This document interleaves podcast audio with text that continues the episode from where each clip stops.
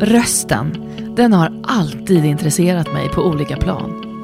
Rösten som instrument, kommunikationsredskap, möjlighet och skyldighet och demokratiskt verktyg. Alla har vi en röst på ett eller annat sätt. Men hur använder vi den? Det vill jag prata om. Jag heter Sanna Martin och är sångerska, skådespelerska, speaker, skribent och poddare. Välkommen till Din röst, en podd om rösten och dess makt. Din röst.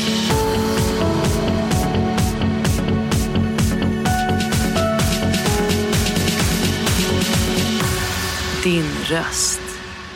Men, ehm, nej, men då börjar vi då. Då är det en stor glädje att säga välkommen till min podd Din röst, Malou von Sivers. Tack så mycket. Marie-Louise läste jag ju att du heter. Ja, just det. Det tyckte mamma och pappa var bra, men det tyckte inte jag. Har du alltid kallats för Malou? Nej, men det var ganska tidigt så att jag tyckte det var ett, eh, jag vet inte vad det var, kanske att, att jag hade ett smeknamn hemma faktiskt som var Siskan, kallar min pappa mig. För att jag pratar så mycket. Någon siska var en fågel. Men eh, däremot så eh, det var det alltid så när jag hade gjort någonting som inte var bra, då var det så här, Marie-Louise.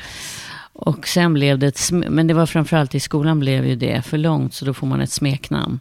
Och mitt smeknamn blev Marre och det tyckte jag absolut inte om. Så då, då bestämde jag själv eh, Malou. Ja. Och Malou kom för att jag hade en roddbåt när jag var väldigt liten som jag fick måla liksom på. Det räckte inte färgen, så då blev det Malou.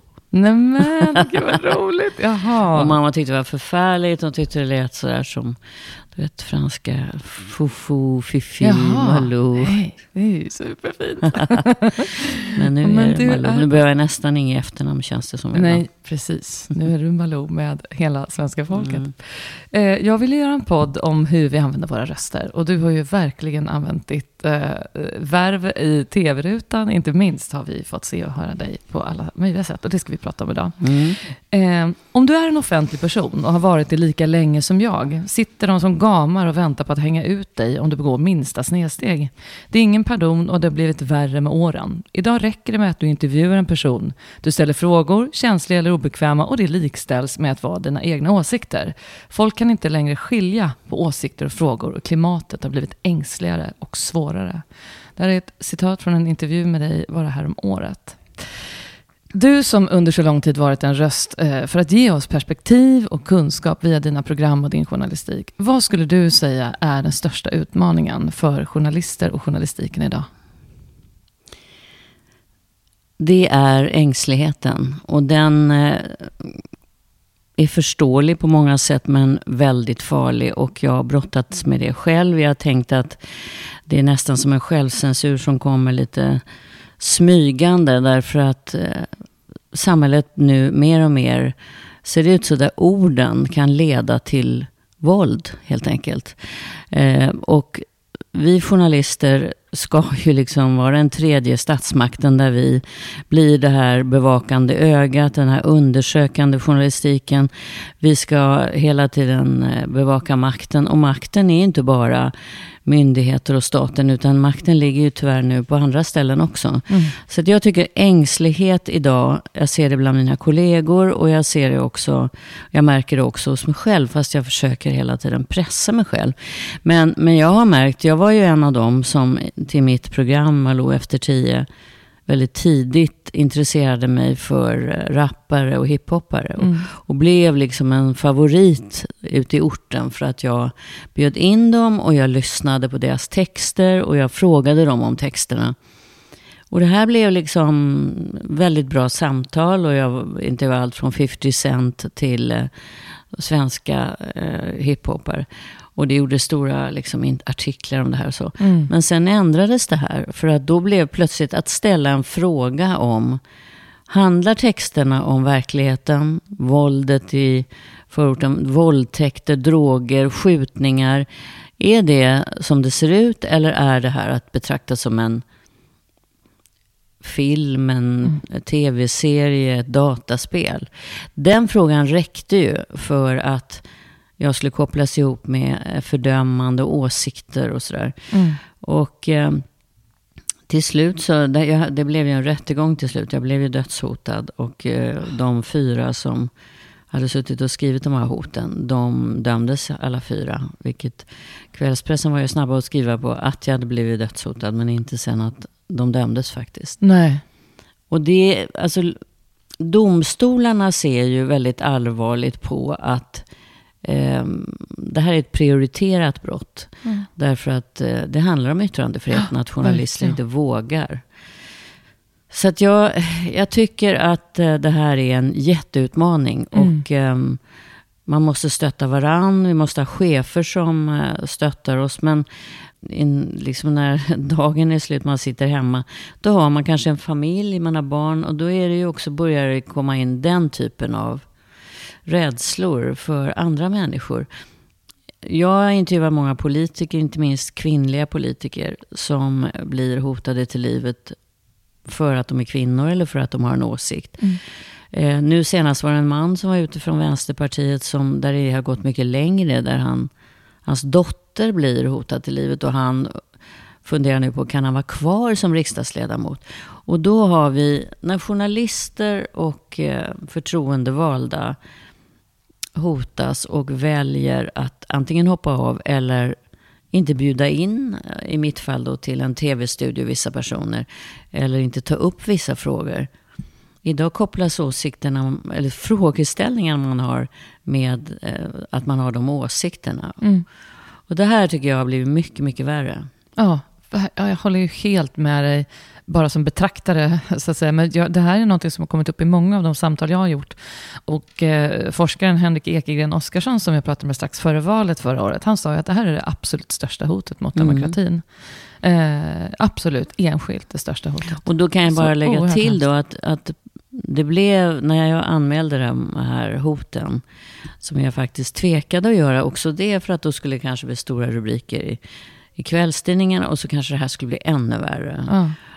Men jag gjorde det för jag har suttit själv och uppmanat människor att eh, i en rättsstat måste man göra det. Mm. Men då gjorde jag det och då måste jag ändå säga att polisen var väldigt, väldigt snabba att prioritera de här frågorna. Så jag fick ju liksom stöd och hjälp direkt och Wow. det blev rättegång ganska snart. Så att eh, de, det finns ju högt upp på, på polisens lista ändå. Mm, just det. Men Malou, eh, när du var yngre, eh, har du alltid haft lätt för att liksom höja din röst och ta ton och, eh, och ta ställning och, och så vidare? Och ta den platsen? Ja, alltså... Mitt politiska uppvaknande tror jag kom när jag flyttade till Grekland. Jag jag hade alltid en idé om att jag ville fly från Sverige. Det var liksom det, jag vet inte hur tidigt den tanken kom. Jag ville bort, jag ville till en annan kultur. Jag hade någon sån här idé om jag egentligen inte var född i, i mitt tidigare liv var jag född i medel, något av medelhavsländerna. Och den snabb, jag började på universitetet men den snabbaste vägen blev sen på den tiden att bli resledare. Ja, Då fick man ju direkt bostad, usel lön i och för sig, jag tror det var på den tiden, och 600-700 kronor. Och provision på de där utflykterna. Men man kom iväg direkt. Och jag skickades då, jag var väldigt politiskt intresserad då. Skickades då inte till Spanien, där fanns Franco, så gamla jag. Och eh, det var för eh, riskabelt att skicka en sån person som hade så mycket åsikter som jag dit. För jag pratade då spanska. Men då skickades jag istället till Grekland. Och det var ju mest, tycker jag, av okunskap. För där var det ju, om någonstans så var det ju där. Det bara bubblade av politik, poesi, musik. Eh, och det var ju, jag kom ju dit precis när diktaturen hade fallit, juntan hade fallit. Och vad hamnade- pratar vi för år här ungefär? Ja, då är vi 1900, eh, alltså när tanksen körde in i Tekniska högskolan i Aten, november, ska jag se så jag säger för rätt här, eh, november 1973 så kom jag dit 74 i januari. Okej. Och, eh, och då, eh, det var fantastiskt tycker jag. Jag blev liksom väckt, jag blev väldigt politiskt engagerad, väldigt naiv och eh, blåögd sådär. Men jag gick rakt in, jag bild, var med och bildade PASOK hemma hos Andreas Papandreou som sen blev premiärminister. Jag blev kompis med Jorgos Papandreou som sen blev premiärminister långt senare. Så att det liksom var mitt inne i det här och samtidigt så eh, hängde jag med folk som sjöng Mikis Theodorakis sånger. Jag sjöng på hans klubb och eh, lärde känna honom också. Så det var liksom, det är ett litet land och det, det var fantastiska år. Hur länge bodde du där? Fyra var år var jag oh, Wow, ja. vad häftigt. Och så blev jag kär och sen skulle jag hem. Men det fanns en del i mig som var en väldigt tidig feminist. Och jag eh, kände att jag skulle inte trivas i en machokultur där, som det var. Där jag inte skulle kunna liksom, utveckla så mycket själv som jag ville yrkesmässigt. Mm. Eller vara den jag ville vara. Nej. Så att väldigt motvilligt åkte jag hem. Men, och då eh, hade jag sökt in på Journalisthögskolan. Mm. Ja, du hade redan gjort ja. det då. Men, och, och, var det här någonting du såg dig själv eh, arbeta med redan när du var yngre? Att bli journalist? Nej, men jag skrev tidigt. Alltså jag hade alltid skrivit, eh, men då var det mer berättelser. Och liksom, alltifrån först sagor, men sen berättelser som jag läste upp i skolan. Och, så, mm. och läste mycket litteratur. Så att jag, nej men det, det skrivande var viktigt. Men journalistiken, det var liksom en upp, alltså det var som en sån där, ah, det är klart jag ska bli journalist. Det var en kvinna jag mötte och i Grekland under den här tiden, så var det en väldigt farlig tid. För jag menar, juntans polis, poliser fanns ju kvar. Och, folk liksom blev fortfarande torterade. Och det var... Att uttrycka sin åsikt var inte eh, helt riskfritt. Mm. Men då var journalister och advokater de modigaste personerna och de mest framträdande och progressiva. Mm. När man kom hit var det inte alls så. Nej. Och jag var otroligt både besviken och förvånad. Mm. Men jag hamnade så småningom på Expressen som vikarie och jag var ju sådär laddad till tänderna med och det var inte alltid populärt ja, för det var ju, du, de tidiga jobben, om jag har läst rätt, då, det var ju att du hamnade på Aftonbladet Expressen eh, och var liksom ganska, eh, gick i bräschen för de här Wallraff-reportagen, ja. om det nu heter så. Där man alltså utger sig för att vara någon annan för att kunna få fram ja. bättre information. Hur minns du den här tiden och de här Men jobben? Det, det, är fortfarande ett av de, jag tycker det är ett av de bästa jobb jag har gjort journalistiskt. För jag, jag fick, eh, hur var det nu? Jo, jag fick reda på att på parkeringsplatsen eh, så var det aldrig en bil nästan på det här eh, ålderdomshemmet som det hette på den tiden. Mm. Och den femtonde, när pensionerna kom, så var det fullt med bilar. Och där retade en föreståndare som jag tror var ganska radikal. Och hon, hon berättade det här för mig och jag bara tänkte, ja men alltså det här måste jag undersöka. Okay. Det var då anhöriga som girigt kom och hämtade pensionerna från de gamla. Gud, alltså. hade säkert med fullmakter. Så jag, eh, jag lurade in mig där eh, och sa till den här, hon som var föreståndare där, att eh, jag heter Marie-Louise, vilket jag heter. Ja, det var ju inget ljug. Nej, och att jag skulle göra en C-uppsats. Och jag höll ju på att skriva också, så det var, men, men det var ju inte sant riktigt. Och, ehm, och så frågade jag om jag fick jobba som biträde, och det var, fick jag då.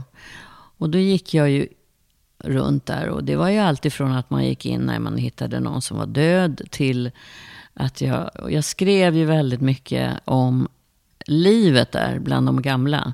Men det var ju också väldigt många roliga historier. Det mm. fanns ju en trädgårdsmästare som gick med bar överkropp som var 60. De tyckte han var urgammal. Och alla de kvinnorna överlever ju männen fortfarande. Så att alla kvinnor hängde där i fönstret och bara dreglade över den här trädgårdsmästaren. Och lurade på olika sätt honom in i rum, sina rum. Och, och du vet, så att det, var, alltså det skrev jag om. Och jag skrev om, om eh, jag hade en sån här gammal rynkig hand med alla tabletter den här personen åt en, en dag. Det var liksom överfylld. Så det var både liksom de här allvarliga sakerna, men också om kärlek och dramer och svartsjuka. Och, så det blev väldigt många artiklar faktiskt. Ja. Och sen gick jag in och berättade ja. för henne. Och vi, visade ju, vi lämnade ju inte ut några ansikten och sådär. Men nej, vi kunde nej. ändå skildrar väldigt mycket. Wow, vad häftigt. Mm. Och eh, sen blev ju du en av de som tog hit tidningen L till Sverige. Och, eh, Just det. Jag fortsatte ju på Aftonbladet framförallt, där jag var i nio år. Där, Ja, ja, ja. ja. Där det var den stora grejen jag gjorde. Där. Jag bodde ju på vinden på ett mentalsjukhus. Jag gjorde konstiga grejer. Men gud vad Och modigt. följde. Barbro Sandin var en sån här väldigt omstridd men också beundrad person som, som botade schizofrena unga män. Så jag var med henne i hennes arbete. Det var otroligt. Det blev också en serie. Så jag gjorde väldigt många sådana serier. Och sen började jag med kriminaljournalistik. Där jag hela tiden ställde mig, jag var den enda tjejen väldigt ofta. Så jag tog, såg offren mycket oftare. Mm. Och var mer intresserad av psykologin bakom brotten än polisjakten och så. Så att mina reportage blev väldigt annorlunda jämfört med mina manliga kollegor som hade det där. Jakten, polisen, alla var ju män. Liksom. Det ser inte ut så idag. Nej, Idag det har hänt lite åklagare. Ja. eh, kvinnor. Men det är så himla intressant när jag läste lite om dig och nu när du berättar ännu mer än vad jag har läst. Så tänker jag liksom att ja, men det här med Waldorf-reportagen och, som, och när du berättar om din kriminal, eh, dina kriminalreportage och att du var hit, tog hit L till Sverige och sen att du då eh, verkligen har blivit ett, ett enormt starkt ansikte för TV4 som du också var med och eh, startade. Och även Nyhetsmorgon, vi kommer komma in på alla program, men även Efter fem. Jag får liksom känslan, Mm. Efter Malou, tio. att efter tio, efter fem. Ja. Nej, efter tio. Man Nej, men jag tio. ser bara, eh, jag spanar liksom. Att jag får för mig att du, du ser luckor som du vill fylla i. Får jag för mig. Det Mm. fanns inget efter tio-program. Det fanns inte ett nyhetsmorgonprogram innan. Det fanns in, inget TV4. Det fanns inte heller L i Sverige. Alltså om jag bara Mm. tänker, är det rätt spanat? Vi- Vissa av de här luckorna och Malou möter är ju en Precis. sån. Men jag, jag kan inte tillskriva mig att jag var den som uppfann TV4. Nej, nej, Kom på inte idén. uppfann Nej, men- Men du var ändå med och gjorde det Ja, till var något jag. ganska bra, jag, fick ett, jag. var ju på L och eh, det var ju på något sätt en parentes eftersom jag har ett väldigt sådär samhällsengagemang. Så att när jag kom in, men, men jag är också intresserad av mode och eh, såg liksom inte den här, ville inte se den här uppdelningen. Jag ville se att det gick att vara både snyggt klädd och vara intresserad av samhällsfrågor. Mm. Men jag kom in där och var chefredaktör och, och försökte nog lite grann göra om L till en Marie Claire som var mer radikal. Mm. Eh, och jag är inte säker på att alla tyckte det var roligt. Men eh, jag tyckte det blev eh, fantastiska texter och sådär i tidningen då. Men sen blev jag gravid för andra gången. Då fick jag ju sparken. För att jag var, skulle vara föräldraledig. Och det, Mm, så får man inte göra. Men det hade Lukas Bonnier inte riktigt läst på. Eller han trodde väl han kunde sätta sig ovanför lagen. Så att han kallade upp mig och sa att du får, han sa i och för sig, du får bli chefredaktör för Månadsjournalen. Det var en jättefin tidning på den tiden. Mm. Eller du får göra det. Nej, jag vill inte det. Jag vill komma tillbaka och fortsätta mitt jobb som chefredaktör på L. Nej, vi kan inte lämna tidningen ett år. De hade liksom inga som var föräldralediga där. Det var antingen män eller också var det kvinnor som hade passerat den åldern. Mm. Det blev ju en, jag gick till Journalistförbundet och det blev förlikning. Och sen så fick jag ett samtal veckan efter. Vill du vara med och starta en tv-kanal? Så att, och det sa jag, jag är jättegravid, alltså höggravid. Ja men det gör ingenting, kom upp så, så skriver vi avtal och sen kan du komma tillbaka. Men du, vilken story. Ja, Så men, att det var det. Och sen samtidigt så, Nyhetsmorgon blev ju sen, det här var 90. mm. Jag kom tillbaka 91. 92 startade Nyhetsmorgon. Mm, just det. Den här podden görs i samarbete med Vicky Nöjesproduktion och 2 Entertain. Två av Sveriges största nöjesproducenter som förser oss med möjligheter att få stora upplevelser på olika scener runt om i Sverige och inte minst i Stockholm. Under årens lopp har jag fått använda min röst på en del av deras scener och i tider som våra så tror jag verkligen att vi kan behöva bli underhållna. På Oscarsteatern spelas just nu Änglagård, en ny svensk musikal med bland annat Helen Sjöholm och Tommy Körberg. Och på Kinateatern kan vi uppleva den fartfyllda musikalen Moulin Rouge med musik av bland andra Lady Gaga och Elton John. Båda dessa kritikerrosade föreställningar har nu förlängt sina spelperioder, så varför inte köpa en biljett redan idag eller kanske ge till någon i julklapp? Det finns även annat att välja på. Vad sägs om Kulturbärarna på Södra Teatern med Andreas T. Olsson eller Bröderna Lejonhjärta på Intiman? Det finns även andra föreställningar att kolla in på showtick.se och det är ingen dålig julklapp. Tack Vicky Nöjesproduktion och To Entertain för att ni stöttar den här podden. Men, men det är, mitt intryck av dig har ju verkligen jag bara fått via dina program, som, som konsument, som eh, tittare. Och eh, vi har aldrig träffats tidigare och eh, jag upplever verkligen att du är mån om att väcka reflektioner och låta saker liksom få bli djupa och väcka tankar. Och att det har varit så eh, länge och, och, det sticker liksom ut i mina ögon i, journalist, ja, eller vad säger, i journalistkåren, mm. men i, i, i, utbudet, om man säger så. Eh, jag saknar reflekterande samtal som mm. får ta lite tid. Men är det här någonting du själv kände så här, ja, jag måste ägna mig åt det här. Ja, det här vill jag mm. verkligen ge plats. Ja, och, och jag hade, det tog jag nog med mig från kvällstidningarna. Att de har ju varit väl, när de är som bäst är de jättebra på att personifiera ett samhällsproblem. Så att man direkt kan identifiera sig med en person och sen kan man då ta in hela liksom, eh, samhällsproblematiken eller siffror eller vad det nu är. Eh, och jag ville överföra det till tv. Och, eh, TV alltså det, Nyhetsmorgon var jättekul att göra på alla sätt, men det blev för kort mm. om tid. Och så jag längtade efter fördjupning hela tiden. Och det var ju då jag hoppade och började resa världen runt och göra de här långa intervjuerna. Där jag även där, när jag träffar Nelson Mandela till exempel, så menar jag att han, han var inte så pigg på att berätta om sin person. Han ville liksom bara berätta om ANC och mm. lämna ett testamente liksom politiskt. Ja.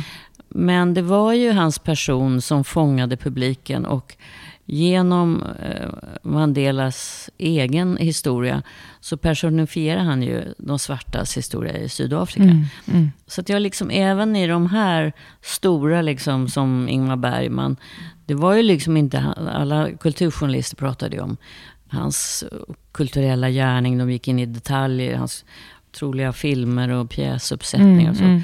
Men jag ville veta liksom hur han som person var.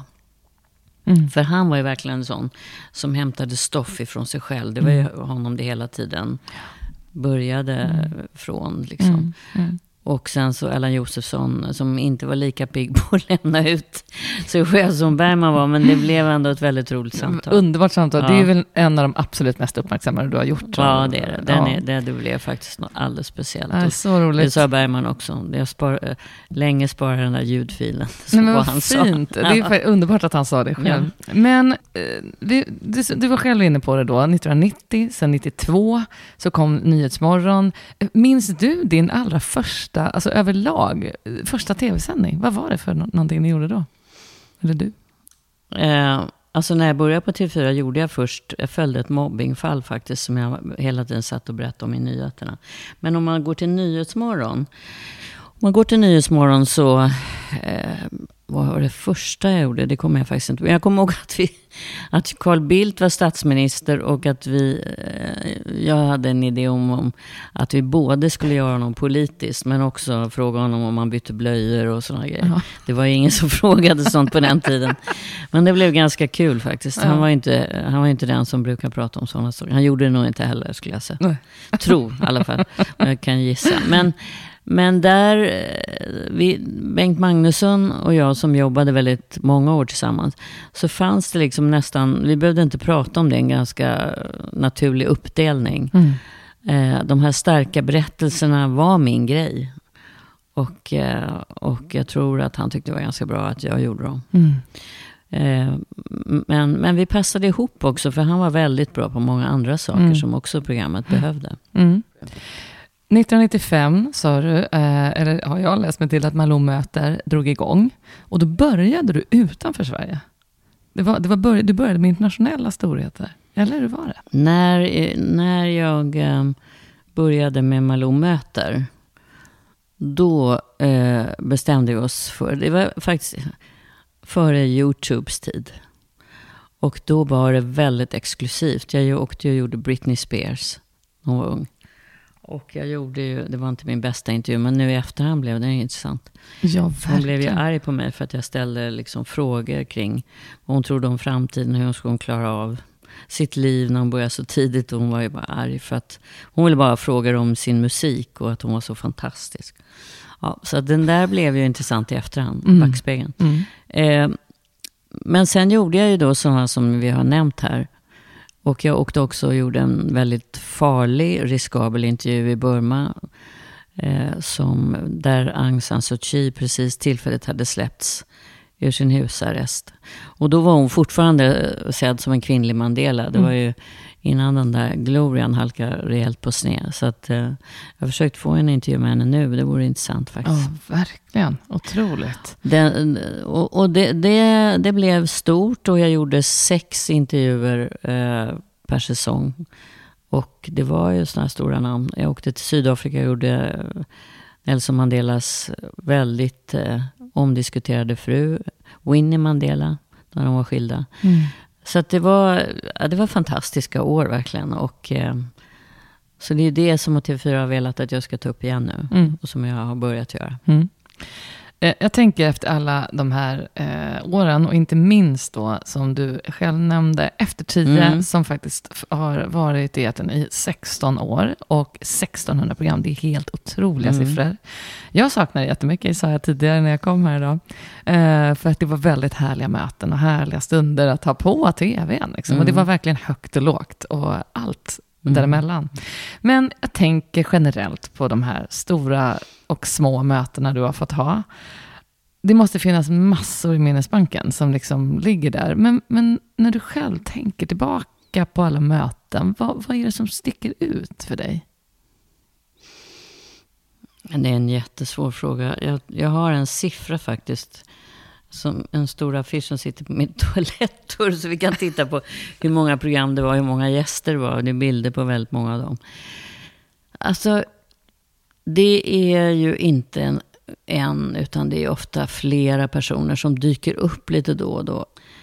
Det var till exempel ett föräldrapar som eh, förlorade tre barn i en obotlig mystisk hjärnsjukdom.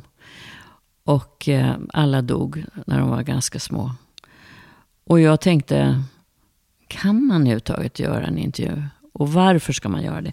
För det tycker jag har varit viktigt med de här starka intervjuerna. Jag blev ju liksom kritiserad i början för det, för att hon vill bara att folk ska gråta och du vet sådär. Men jag tog upp tabubelagda ämnen och tänkte att om någon sitter och tittar nu och känner igen sig, så är man inte så ensam när man ser att den här personen också har gått igenom det här. För de jag intervjuade, jag hade en tanke, det skulle alltid vara personer som har tagit sig igenom det och kommit ut på andra sidan. Och genom den kunskapen, som är överlägsen alla experter, så ser man att människor klarar av väldigt mycket och vad har de lärt sig liksom, mm. under den här resan. Mm. Men sen finns det ju gränser och jag vet inte, jag, jag vill gå till mig själv och tänka, hur liksom hanterar man det här och varför ska jag berätta om det här? Just det. Så jag pratade med dem innan, föräldrarna, framförallt Helene som är en väldigt engagerad i något som numera kallas för Villefonden. För Ville var den första som, av barnen som dog. Och jag lärde mig så mycket av hennes berättelse. För de levde i nuet. De tog hem barnen och vårdade dem hemma. Och eh, när något av barnen, de visste att ett av barnen skulle dö aldrig kunna fira jul. Det här var kanske på våren. Då hade de liksom på sommaren julafton med tomte och paket och så. De visste att det skulle aldrig eh, kanske bli någon Lucia. Då hade de det liksom också på sommaren.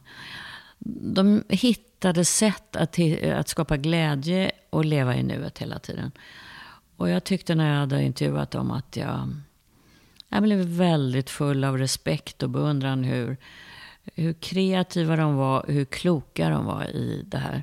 Mm. Och sen har de använt all sin tid åt att um, i den här Villefonden bjuda in till internationella seminarier.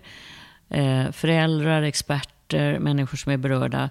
Som just där barn har fått de här eh, sjukdomarna som inte har någon diagnos. De hamnar liksom mellan olika stolar. Och, eh, ja, så de har ägnat sitt liv åt det. Men det var ett väldigt svår, eh, svårt beslut tyckte jag. Mm. där man måste gå till sig själv. Att gör jag det här för att det är någon slags sensation i det här? Just det. Gör jag det här för att eh, jag ska väcka massa människors känslor? Jag måste veta vad anledningen till det Nej, men Det är så himla bra när du säger det. Att varför gör jag det här? Mm. Och jag tänker den frågan borde vi ställa oss. Alltså, mm. eh, och också ute i, jag menar, allt i samhället och, och också den enskilda lilla individen. Mm. Det, det, finns det ett varför och man kan liksom motivera någonting. Ja. Så har vi ju en riktning plötsligt. Och då, ja. blir det, det, då blir det framförallt ett annat möte. Sen blev det ju, har jag ju varit, stormat kring mig mycket. Och många gånger har jag ju känt för att jag vill säga vad jag tycker. Eh, och då får man hålla i sig därför att eh, då skulle man kanske valt att bli politiker. Min, mitt jobb har ju varit att eh, istället ta fram människor som får tycka. Och eh, liksom eh, ställa frågor kring det, de mm. å, åsikterna de har till exempel. Ja, när den här metoo eh, rasade och en av de personer som verkligen var persona non grata var ju eh, Fredrik Virtanen. Och, eh, och Cissi Wallin som hade väldigt många följare med sig. För de som inte vet så, så anklagade hon honom och anmälde honom också för, för våldtäkt. Och han nekade till det. Och, och det blev en väldigt infekterad eh, strid. Och då bjöd jag in Fredrik Virtanen eh, och Cissi Wallin senare i veckan. Men jag gjorde ett tema på det här med metoo. Och jag ville veta, jag tyckte det var intressant att höra hur han tänkte, tyckte och resonerade. Men det blev ju enorm kritik mot mig. Från det här gänget som liksom tillhörde Cissi Wallin. För att jag överhuvudtaget kunde bjuda in honom och upplåta tid i ett program till honom. Och där, det är det jag lite grann inledde med. Att, att då blev jag förknippad med åsikter som jag inte hade alls. Mm. Jag menar, alla kvinnor nästan har varit med om att sexuell, har varit sexuellt ofredade, tror jag. Över, övergreppen kan vara allvarliga eller mindre allvarliga, alla vet hur det känns. Ja. Så att, att jag skulle liksom på något sätt försvara eh, ett sånt brott, det var ju fullständigt otänkbart. Men jag ville veta vad han sa och själv, eller vad han tyckte och tänkte. Mm. Och framförallt hur han eh, resonerade kring eh, brottsoffret, som i det här fallet var Cissi Wallin. Mm. Men det där, eh, det där var många, många år som personer inte ville komma till mitt program för att jag hade tagit in honom. Men hur har du balanserat det där då? Att, um, att göra den avvägningen, liksom, som du säger, den här ängsligheten som du själv ser hos andra och har känt själv. Um, för där finns det ju också ett varför. Jag vill ha det här perspektivet, kan jag tänka mm. mig. Att man, men hur, hur sjutton balanserar man det där? Har du ibland också valt bort för att du känner att det här blir verkligen inte bra? Att så att säga lyssna på den ängsliga mm, ja, rösten. ja, ibland är det inte bara ängslighet, utan att det blir inte bra. Nej. Alltså att det finns det går inte att göra det här. Um, en av de saker som, ett ämne som inte går att göra skulle jag säga, fast jag skulle så gärna vilja, det kanske man kan göra i litteratur och teater, på en teaterscen eller en film. Och just det, det, det är ju uh, en vårdnadstvist där det finns två uh, väldigt starka historier. När det är en väldigt allvarlig vårdnadstvist ja, där ja. barnen far illa. Men men när det gäller den, den, här historien så var det så att jag, jag hade en jättebra redaktion. Jag har haft det hela tiden. Jag bollade och bollade och ehm, eh, halva redaktionen var emot. Halva var för. Och i och med att jag fick vässa mina egna eh, min egen motivation och mina tankar och varför jag skulle göra det här. Så blev jag mer och mer säker på att varför jag skulle göra det. Och då är det ju precis som du sa, att ge olika perspektiv. Mm. För annars blir det farligt tycker jag. Mm. Eh, men, eh, men, men jag fick ju betala ett ganska högt pris för det. Oh. Hur eh, gör du när du känner att du liksom inte når fram till en gäst som du ska prata med? För det måste ju hända. Man har möten där man känner att det är kanske någon som är lite ofrivilligt där, eller att man bara inte liksom är på samma frekvens. Nej, men då får man fråga det. Nu känner jag att jag inte når fram till dig. Vill inte du egentligen sitta här? Det är en bra fråga. Mm, det är en då väldigt blir det bra fråga. då, blir, ja, då blir det konkret i alla fall. Ja, man får använda, våga använda sig av det som händer i situationen. Jag tycker det är bra naturligtvis att man har research och förberedelse. Men jag tycker också att jag tycker om att inte veta allt va, om människor. För att nu är vi ett litet land där folk intervjuas väldigt mycket ofta. Och Mm. eh, jag tycker det är väldigt roligt att intervjua människor som eh, där man är, blir nyfiken. Och Mm. försöker göra researchen nästan under i livesändning. Just det, i stunden. Ja, så att jag själv liksom... Ja, nej, men det tycker jag är väldigt spännande. Där ska man ju inte komma in helt oförberedd. Men ofta är nyfikenheten absolut det bästa man har. Och när du själv, när du själv känner att, så här, ah, att du, blir, liksom, du vet att du ogillar en person som kommer, eller någonting den har gjort eller skrivit eller så, liksom, du själv kan känna ett skav, när man kanske har helt andra åsikter eller något sånt där. Hur, hur tänker du då? Och gå förbi det där så att inte Mm. samtalet färgas för mycket när dina åsikter liksom Mm. inte ska synas? Jag har valt bort personer faktiskt därför jag inte tror. Eh, För jag har vetat saker om de här personerna som eh, har gjort att jag hade inte kunnat göra en bra intervju. Eh, där jag också var personligt kanske färgad. Men det blev ju en väldig utmaning eh, när Sverigedemokraterna först kom. För att det, det var väldigt mycket då kring deras nazistiska rötter och hur hanterar man en politiker som, är, eh, som har den typen av historia och så vidare. Och så det tror jag blev en övning för mig och många andra i att, att eh, behandla, framförallt i början. Nu är det ju så att de har blivit så normaliserade så man det har blivit något annat. Men när, eh, när Åkesson kom eh, så fick man verkligen, jag fick också tänka att nu är han folkvald och jag måste eh, ställa frågor och behandla honom som jag behandlar de andra. Men det betyder ju inte att jag inte ställde kritiska frågor. Det finns ju massor med kritiska frågor att ställa till både honom och även till de andra partiledarna. Jag gjorde ju i Malou möter den här omgången partiledarintervjuer. Och jag ville då prata ideologi. Mm. Och det kräver tid. Och det gjorde ju ingen annan. De flesta pratade ju sakfrågor. Och det blev väldigt bra och väldigt tydligt. Vad får vi för samhälle med dig som statsminister? Frågade var och en av det. Och då eh, kunde man ju som tittare och väljare tydligt se vad det skulle bli för samhälle. Ja, det här är en fråga som jag hade tänkt ställa. Eh, kommer ju alltid in lite på politik och så vidare i de här samtalen. Eh, men, och jag är superavundsjuk, jag vill också träffa alla partiledare. för Ja. jag försöker göra nästa valår. För det är ju så ofta, precis som du säger, att det ska vara så snabba puckar. Och de här partiledardebatterna, jag har full respekt för att mediehusen vill skapa olika format. Men vi som väljare gynnas ju sällan av dem, när det går så fort. Och nu är det 30 sekunder och man ser en klocka räkna ner och alla ska vara slagkraftiga. Och jag tycker det är otroligt svårt och ointressant och platt. Så de här fördjupningarna med ideologi och lite visioner, det är liksom det vi behöver. Verkligen. Men väldigt ofta får vi ju ändå de här typiska politikersvaren, upplever jag. Hur gör du då? För att liksom, har du något tips för att komma runt de här vana, medietränade alltså, det typerna? man måste göra, det är ett bra sätt är ju att upprepa frågan. Inte bara en gång. Därför att säga att nu låter det här som du brukar svara. Och jag, jag skulle vilja att vi bryter ner den här frågan. Jag, ställer, jag, jag frågar igen och sådär. Mm. Det går liksom att hitta olika sätt att... Eh, Fick jag en hund i knät här. ja. Nej, men det, det finns... eh, Man får tänka igenom det här noga. Mm. För när man hör det här, då är det nästan så att folk stänger av, tror jag. För att de har hört svaren.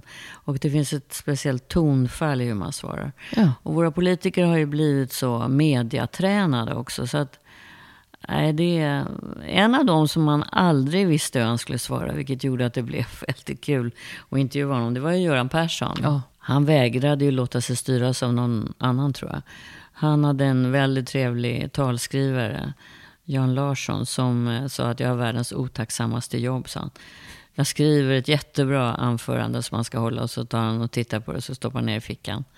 Och sen har han valt tre. Han har, jag vet att han har läst igenom och sen kör han helt fritt och det blir ofta väldigt, väldigt bra och bättre faktiskt än jag skrev. Så, han, så att, Gud vad roligt. så att eh, han var ju väldigt bra på det. Men han var en sån. Men annars är ju politiker otroligt rädda för att säga fel. Mm. Eller att, eh, jag vet inte, det har blivit, det har blivit ett annorlunda politiskt landskap, måste jag säga. Jag skulle träffa Bengt Westerberg förra våren. Eh, och det var så himla fint. Det var stort för mig. För jag kände liksom att jag saknar den här eh, lilla ön, socialliberala ön någonstans eh, för egen del. Eh, och då tittade jag på en valdebatt från 1976. Där allting som, det var så långsamt och Mm. alla tittade på varandra och nickade när det var någons tur. Alltså det var så här, det var en helt annat Mm. landskap. Men man begrep ju lite mer vad de ville. Så jag, jag kan inte alltid säga att allting var bättre förr, men här tycker jag ändå att vi har blivit lite lurade av liksom, att allt ska gå så fort och det ska vara Media har snabba ju klick. skapat det här i Exakt. symbios med politikerna. Det har ju blivit som en... Jag tror politikerna tycker det här är också rätt kul, den här pingpong. Inte alla passar Nej. för det här. Nej, och vissa är ju bra på det Ja, och vissa är och vissa är mindre jättebra på det och är bra på att formulera sig. Ebba Busch var väl Ja, en precis. sån i opposition. Hon är ju en sån som... Ja, och nu i regeringsställning, så när hon måste utvecklas, så blir det något annat. Mm. Men, men eh, jag vet inte. Det är också vår tid. Om du tittar på en film från förr så går den också mycket långsammare. Absolut. Jag tror att poddarna, det som du håller på med nu, där det inte, behöver, där det inte finns liksom en begränsning i tid. Eh, alltså, I alla fall så kan man ju avgöra när man ska sluta och hur lång tid ett svar får ta. Det kanske är där det kommer att eh, bli det här samtalet som är viktigt. Mm. Och nu börjar ju unga människor mer och mer lyssna på podd. Och, Precis. Mm. och kanske, jag vet att eh, min dotter som, det var andra gången hon röstade, hon var väldigt noggrann och lyssnade på liksom poddar eh, innan valet hela tiden för att försöka bilda sig en uppfattning. Och där finns ju både det politiska samtalet och där finns också eh, fördjupning. Mm.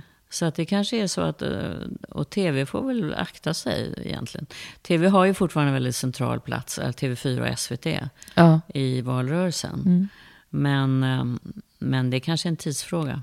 Tycker du om de uppdragen? När du får leda partiledardebatter eller om du har varit en valnatt eller eh, när, ja, när du sitter och möter en och en, det förstår jag att det liksom, du Nej, tycker men- om det. Men, men det andra? Det andra är ju kul för att det är ju liksom spänning i det där. Det måste jag säga. Det är, det är ohygglig spänning, även om det är longörer hela tiden. Mm. Jag tycker också i de här politiska debatterna, det, är- då blir det ju... Som journalist så blir uppdraget är ju hela tiden hitta målkonflikterna. Liksom. Men nu med de här att man får fem minuter på sig, det är nästan manusskrivet allting. Så att det, det är något annat. Ja, just det. Precis. Fast valet, jag tycker det är jättekul. Jag tycker är väldigt roligt med politik. Jag tycker också att jag bör säga det att de eh, partiledare eller politiker med, i hög ställning som jag möter. Eh, jag tycker det är otroligt att eh, människor ger sig in i politiken idag. De är ofta eh, väldigt, mm, jag menar, bildade, bildade vet jag inte, men allmänbildade i alla fall. Mm. Ja, För att det tid att läsa romaner vet jag inte om jag de har. med. Det är skillnad på Nej. bildning och Ja. allmänbildning. Ja. Så Nej, men det, är ju, det är ju sådana som kommer dit. De Mm. har ju de här, som liknar också journalister på många sätt. Fast man är på två olika sidor. ja, just det. Precis. Så att jag, ja, det, det är inget lätt jobb Nej, har. man har full respekt för att någon orkar gå in i det. Det håller jag verkligen med om. Jag tänkte på, för inte alls länge sedan så träffade du ju den ukrainska presidentfrun Olena Zelenska. Och det var ju snabba puckar. Jag vet Mm. att du hade försökt få till den länge, men sen var det väldigt kort om tid. Eh, jag vet inte om det är ett bra exempel när du hamnar i ett läge där det går väldigt fort och där du får reda på någonting som ska vara väldigt tätt inpå. Men, men finns det någonting stressar det dig då? Eller kan det trigga dig att så här, nu måste jag verkligen så här, komma på något väldigt bra, väldigt fort? Eh, Nej, det triggar mig. Alltså för, Mm. Och dels har jag jobbat så mycket i nyhetsläge. Alltifrån Estonia, 9-11, alla de där, där utvecklas hela tiden. Så att jag är liksom van vid att det kan gå fort. Den här gången satt jag verkligen på min veranda på landet och skrev på min roman och så får jag det här samtalet. Från, eh, jag hörde inte ens vad hon sa, hon var så upphetsad. Men jag hörde att hon sa att jag jobbar med statsministern. Och det här är någonting du har velat göra länge, men du, jag kan inte berätta vad det är. Och sen, du måste ringa det här numret, du måste ringa ett krypterat nummer. Från en krypterad telefon. Och så gjorde jag det. Och då hamnade jag på ukrainska ambassaden hos en person som jag eh, hade haft kontakt med. För det här var ju någonting, jag hade haft kontakt med ambassadören väldigt länge. Och även med min redaktör hade haft med Kiev och sådär. Och vi hade gått säkerhetsutbildning, så vi var liksom förberedda på det sättet. var vi det. Mm. Men till slut så sa hon, hon var så upphetsad också den här tjejen på ambassaden. Så ja men, men du måste ju berätta vad det handlar om. Ja men, eh, jo det är, du, ska, du får den enda intervjun med eh, Olena Zelenska, First Lady. Imorgon sa hon, gud jag ska åka till Kiev. Det, är ju jättekrångligt, man måste först flyga, du vet till Polen, Warszawa, sen ta bil eller hur ska ja, alla de där tankarna gick i huvudet. Nej, Harpsund, sa hon då. Och sen, du får alla direktiv sen. Och jag har ännu mer att berätta, men det gör jag först imorgon bitti. Och då var ju det sen att även eh, presidenten kom. Det var nog första gången de flög utomlands gemensamt, tror jag. Mm. Så att, eh, men då var det bara att lägga sig ner och plugga. Och då tror jag att jag blir oerhört fokuserad bara. För sen blev det ju non-stop-jobb. Alltså vi vi åkte ju iväg eh, genom de här fantastiska sörmländska landskapet med kossor som betade och blommor. Och, och det var ju fortfarande sommar, här var sen augusti. Mm. Och sen eh, så var det bara helikoptrar överallt. Tusentals poliser och eh, bombhundar och eh, jättebevakning. Jag hade ju läst på, jag hade också sett den här det är ju sån otrolig historia med deras liv. Jag hade ju sett den här dramaserien som mm. har sänts. Eller tv-serien, mm. en komediserie faktiskt. Där hon hade skrivit manus. Och, för det gjorde hon hela tiden. De träffades på universitetet. Ja. Och sen så började de på fritiden. Hon skrev manus och han spelade. Och eh, då spelade han ju en lärare som ofrivilligt blir president. Så att det var en, Otroligt. Alltså det, är, det är hisnande historia. faktiskt att, det, att den gjordes. När han sen bestämmer sig för att han vill kandidera, då var hon helt emot det. Hon tyckte hon levde ett så bra liv. Hon ville absolut inte bli en offentlig person. Och mm, även då fanns det ju risker naturligtvis att ta att hon... Då fanns ju inget krig, men det var ju, han stred ju för att ta bort korruption, minska korruptionen. Mm. Så. Men nu var det en väldigt sorgsen person som jag träffade. Det var en otroligt allvarlig och sorgsen person. Och hon sa ju till mig innan, jag är en ganska rolig, jag är roligare än min man. Men det går liksom inte att visa upp den sidan när människor, barn och kvinnor dör. Civila dör, unga pojkar som skickas till ja, fronten klokt. dör. Det blir kanonmat. Så det är... Det finns en sån sorg i henne. Och hon var ju framförallt där för att prata om de civilas eh, lidande och den hjälp som de behöver och det stöd de behöver. Mm. Och det, han var ju där för att eh, be om vapen helt enkelt. Så hon har ju liksom delat upp det där. Hon har ju rest runt med risk för sitt liv. Och hon har framförallt inte lämnat landet, vilket ju en del gör. Mm. Utan hon har ju valt att stanna där. Oh. Oh. Men vilket möte. Ja, det, det, var. Ja, det var en väldigt fin intervju. Jag såg den. Mm. Uh, det... Och sen skulle vi tillbaka och den skulle sändas samma kväll. Så det var otroligt bråttom. Åh oh, herregud. Ja. Det var verkligen ja. uh, otroligt att ni fixade det på det sättet. Men du, upplever du att du har haft någon, något möte uh, där det liksom verkligen har havererat och blivit en katastrofintervju? Alltså det har nog aldrig hänt att någon har rest sig upp och gått från min studio i direktsändning. Det har ju varit tusen, många tusen personer där under de där 16 åren. Och det har förvånat mig ibland, för man kan ju tänka så, nej, det här vill jag inte, nej, det här vill jag inte mm.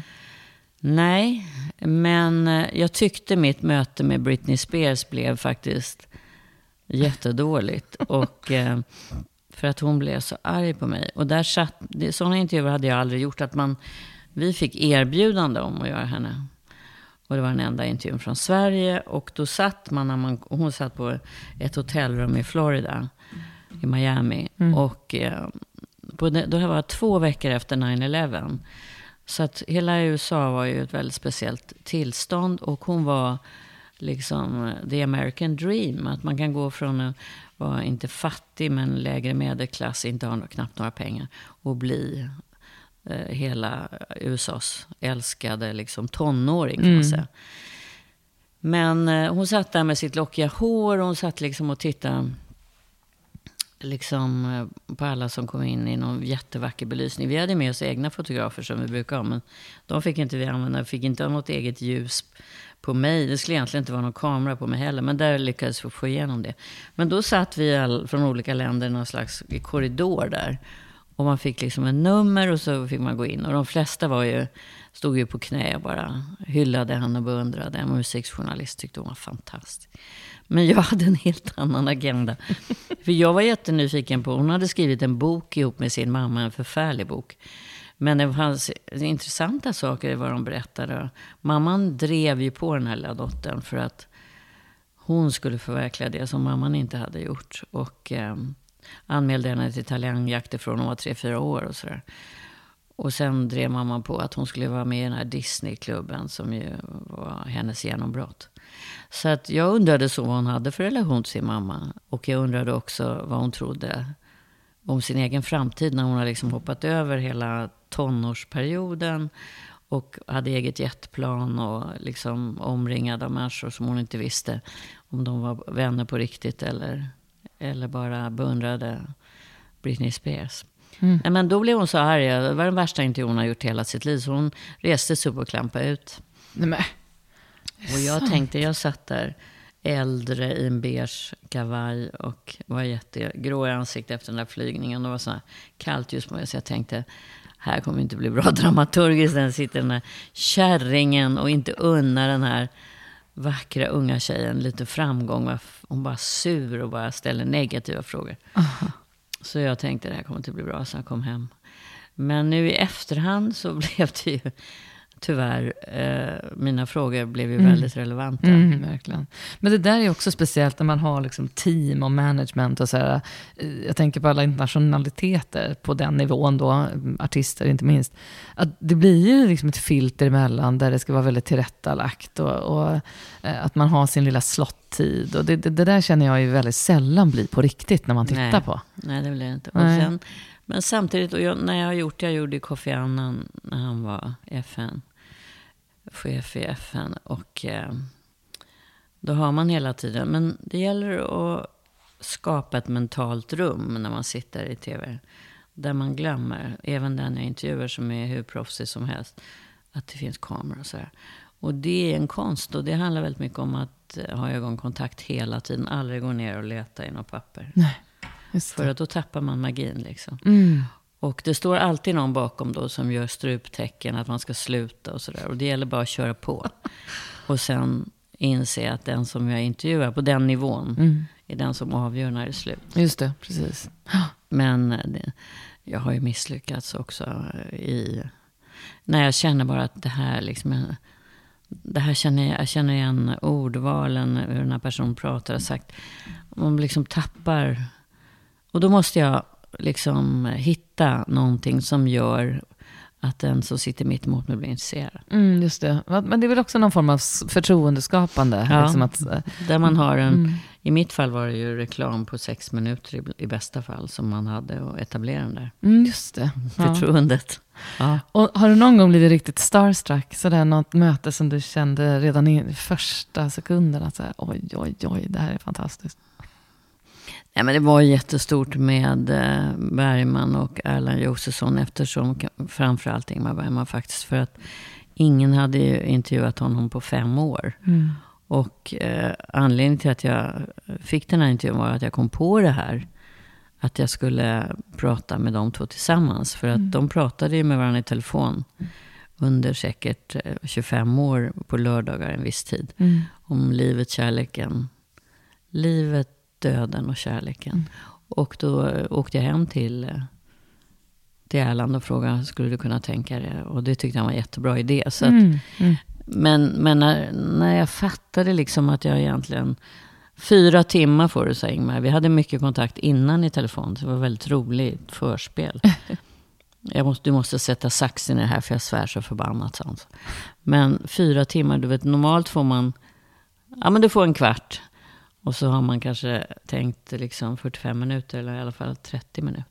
Det, var, det, det där är svårt och det var samma sak med Olena Zelenska. Att de satt, det står ju folk omkring som är hetsiga och som ja, ser ilskna ut. och så där. Då gäller det att man har med sig, som jag har haft, en bra redaktör. Mm. Som kan liksom hålla borta Mm.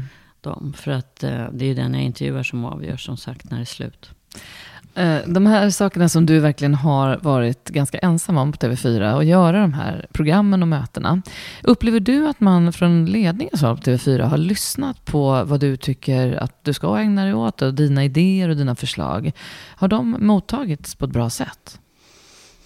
I början var det svårt. Alltså, det var ju Janne Scherman som eh, ville att jag skulle göra de här Malou-möten från början. Eh, då var ju Stina Dabrowski igång och eh, jag tror att hon också gjorde någonting på TV4 eller ville göra de här. Men han tyckte att det skulle vara jag. Det var, ju, det var väldigt roligt. Annars har jag, tycker jag själv, fått slagits väldigt, väldigt mycket eh, för det jag vill göra. Alltså den, när jag fick förfrågan om eh, Malou efter tio. Det var ett glapp däremellan där jag kände att det kanske är dags att gå härifrån nu. För att då var det så att då var jag eh, drygt 40 och jag var för gammal. Liksom. TV4 var bara, man skulle vara så ung som det bara gick att vara, vara i TV. Och, eh, och se ut som en liksom, fotomodell. Så alltså, det var väldigt mycket så nästan in. Och det var ju mycket de här 35-åriga killarna i eh, Birkenstock och Hårts på reklambyråerna som satte den ribban. Det har som tur var förändrats. Mm. Manliga chefer var det ju överallt på TV4.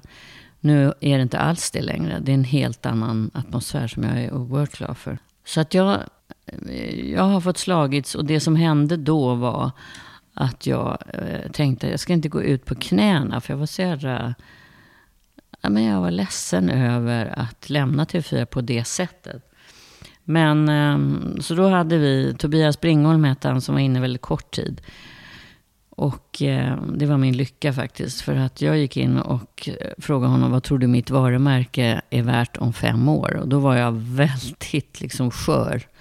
Och då, sa han, då tog han ett glas och satte mitt på bordet. Sa han, det där, sa han och pratade om mig i tredje person. är värt hur mycket som helst om fem år. Och då bröt jag nästan ihop, jag började gråta. För jag var liksom då, kände att jag hade tappat liksom allt självförtroende. Nämen. Gå hem och så skissa på ett program du vill göra och sen kom tillbaka. Och jag tänkte att så där gör de för liksom bli av med en. Jag hade ju sett det på Bonniers tidigare. Men eh, jag gjorde det och jag skickade det till honom och eh, det var i princip efter tio. Och sen så mm, kallade han in mig och sa att du, du får göra det där. Du får göra det varje vardag. Eh, två timmar direktsändning mellan 10 och 12. Och jag tänkte, ska de flytta kvällsnyheterna? Nej, på förmiddagen, sa han.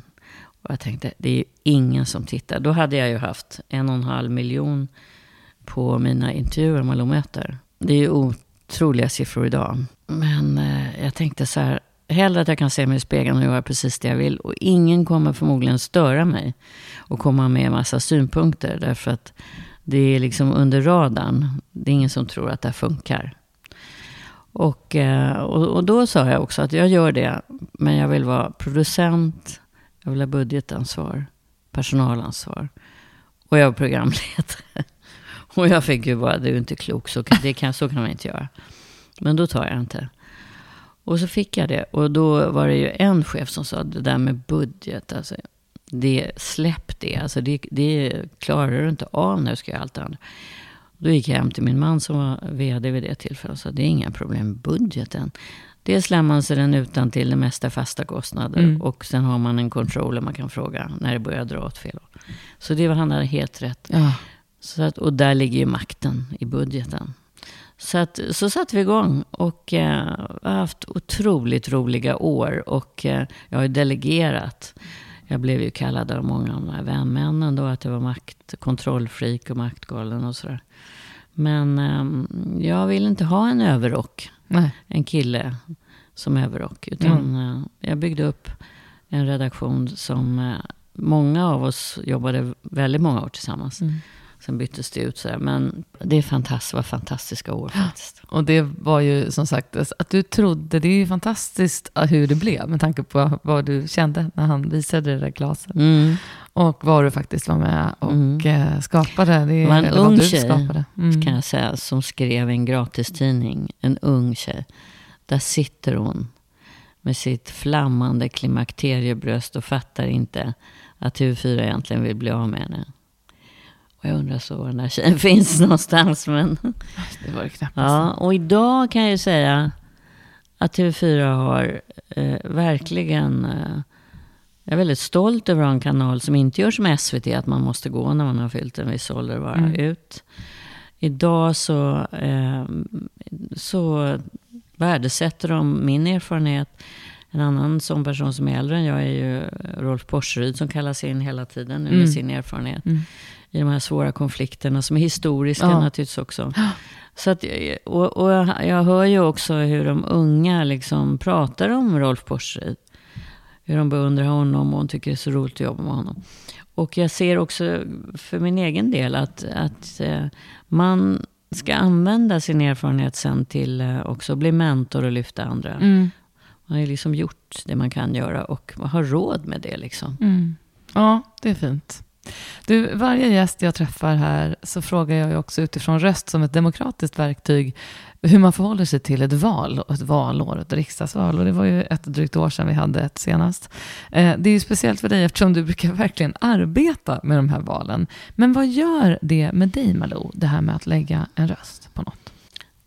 Ja, jag tycker att man ska stanna upp. Jag går alltid, jag poströstar inte. Jag tycker att, att jag går dit med min man, Sten. Eh, och ibland försöker få med barnen. Alltså det är någon känsla tycker jag. Mm.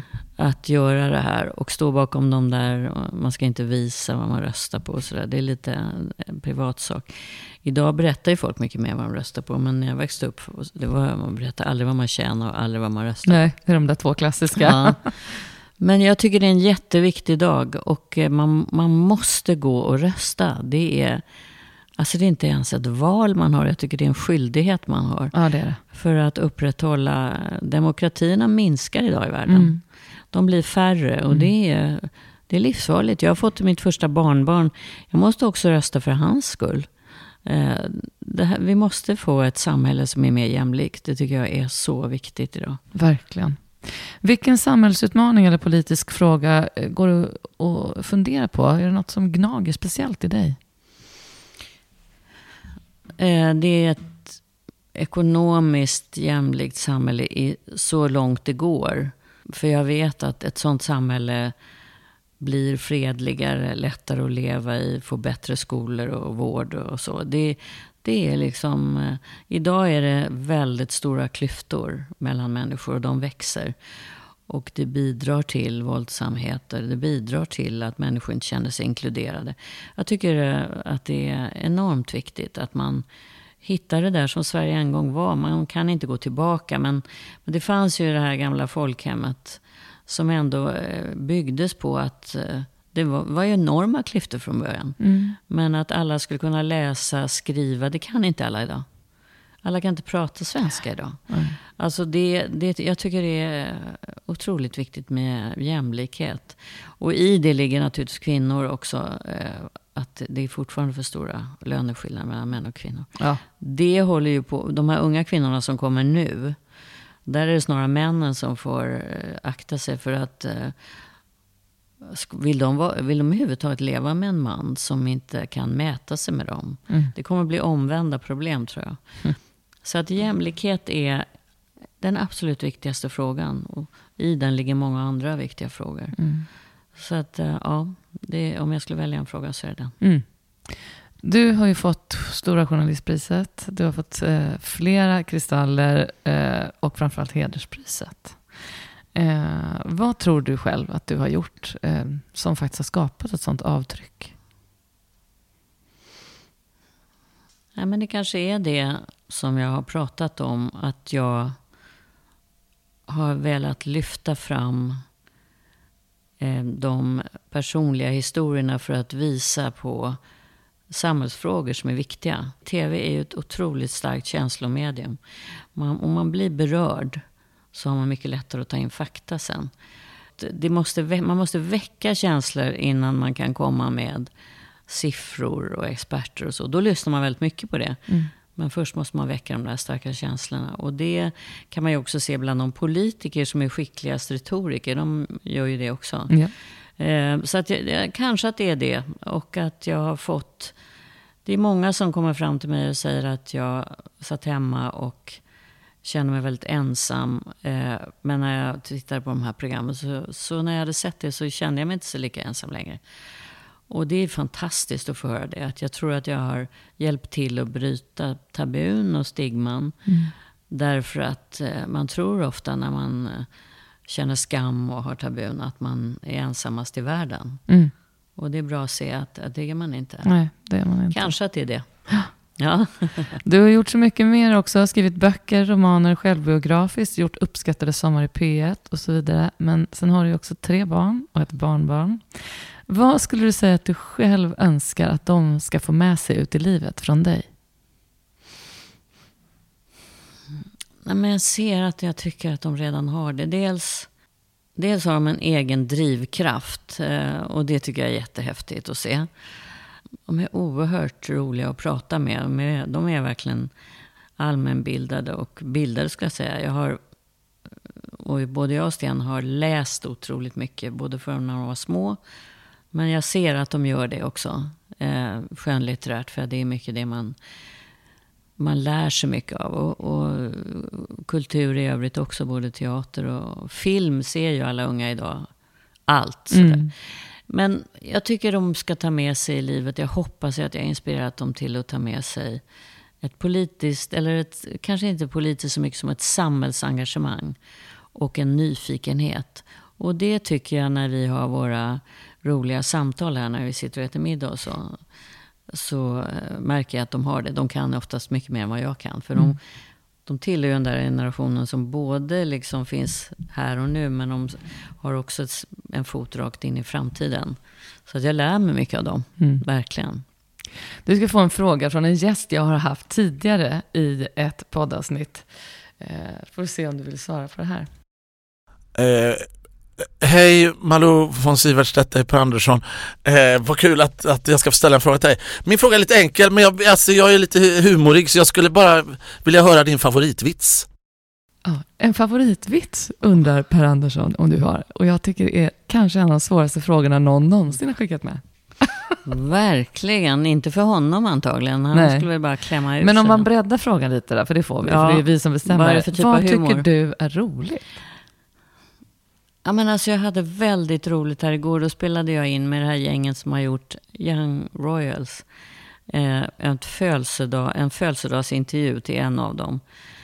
Den stora stjärnan där är ju Edvin i Young Royals. Mm. Och, eh, men det, var, det är Samuel som fyller år. Och, så, och så, så, ville jag bara intervjua honom hela tiden. Fast det var Samuel som ville vara huvudperson. Ja, men jag vet inte vad det var. Jag tror att det är... Det jag skrattar åt allra mest är situationskomik. Och eh, humor för mig, för jag, jag, hade en väldigt rolig mamma. Men alltså humor för mig är att man kan skratta åt sig själv och sina tillkortakommanden. Ja. Och sånt skrattar jag åt. Eh, den typen av humor tycker jag är jättekul. det tycker jag också. Så att eh, jag kan nog inte, jag får nog göra honom besviken. Men, eh, men jag kan säga vilken typ av humor. Men vi, vi låg på golvet här och skrattade. Och det var hela situationen blev så knäpp. Jag sa fel namn på, på den här stackaren som ville vara huvudpersonen och sådär. Ja, det blev bara väldigt, väldigt roligt. Underbart, vad roligt. Hur vill du helst använda din röst framöver? Nej, men jag vill fortsätta på det sättet. Jag, du nämnde att jag skriver böcker. Jag är inne på min femte roman. Mm. Romanformen är ju också eh, otroligt bra att eh, men där får man ju inte bara vara en röst. Där kan man ju vara ond och god och eh, man eller kvinna. Du kan ju vara precis allting. Eh, att använda de plattformar jag har, och det är både böcker, jag ska nu också in lite grann i poddvärlden, fortsätta mina intervjuer, med att eh, försöka lyfta fram de saker som jag själv tycker är viktiga. Och det är inte alltid de stora politiska frågorna, utan det är ofta de klassiska eh, frågorna som alla dramer handlar om. Mm. Det är ju det vi alla förenas i. Det är sådana här fula känslor som svartsjuka, avund är jätteintressant, mm. som alla naturligtvis har. Inte alla erkänner det. Mm. Eh, kärlek, hat, vänskap. Alltså de här områdena som de grekiska dramerna som Shakespeare har hållit på med i alla tider. De, I de frågorna så tycker jag att man också måste spegla liksom vad som händer i livet. För börjar vi bara prata om gängkriminalitet, konflikten nu i Mellanöstern, så eh, tror jag att man når inte människor. För det är ganska bra att granska sig själv. Vem är jag? När man får de där känslorna som är så primitiva. Just eh, alltså jag tycker det är helt fascinerande med gränser. Det kan ju vara tomtgränser, alltså gränser på olika sätt där folk kan bli beredda att gå hur långt som helst. Och det ser man ju också i konflikter. Nu i invasionskriget från Ryssland, eh, i Gaza, eh, och Israel och Hamas. Alltså överallt så. Men det finns ju också i oss alla. Ja. Att man, man bara lyssnar inåt lite grann om någon börjar sätta upp ett staket lite för långt in på ja. min tomtgräns. Ja. Eller någon börjar gå på min tomt. Eller det kan ju vara i ett eh, bostadshus också. Det finns ju hela tiden det här. Mm. Och det kan man skratta åt, men det är också bra att bli lite uppmärksam på det. Verkligen. Jag vet inte om det var, det var ett långt svar på din fråga, men jag, jag, jag fortsätter nog ägna mig åt dramatiska frågor i smått och stort. Det hoppas jag att du ska göra. Det var ett nöje att få prata med dig. Det var jätteroligt att du ville vara med Malou. Tack för att du höjde din röst hos mig. Tack för att jag fick vara med. Det var roliga frågor. Tack. Och tack för att ni lyssnade en vecka till. Vi hörs framöver. Hej hej.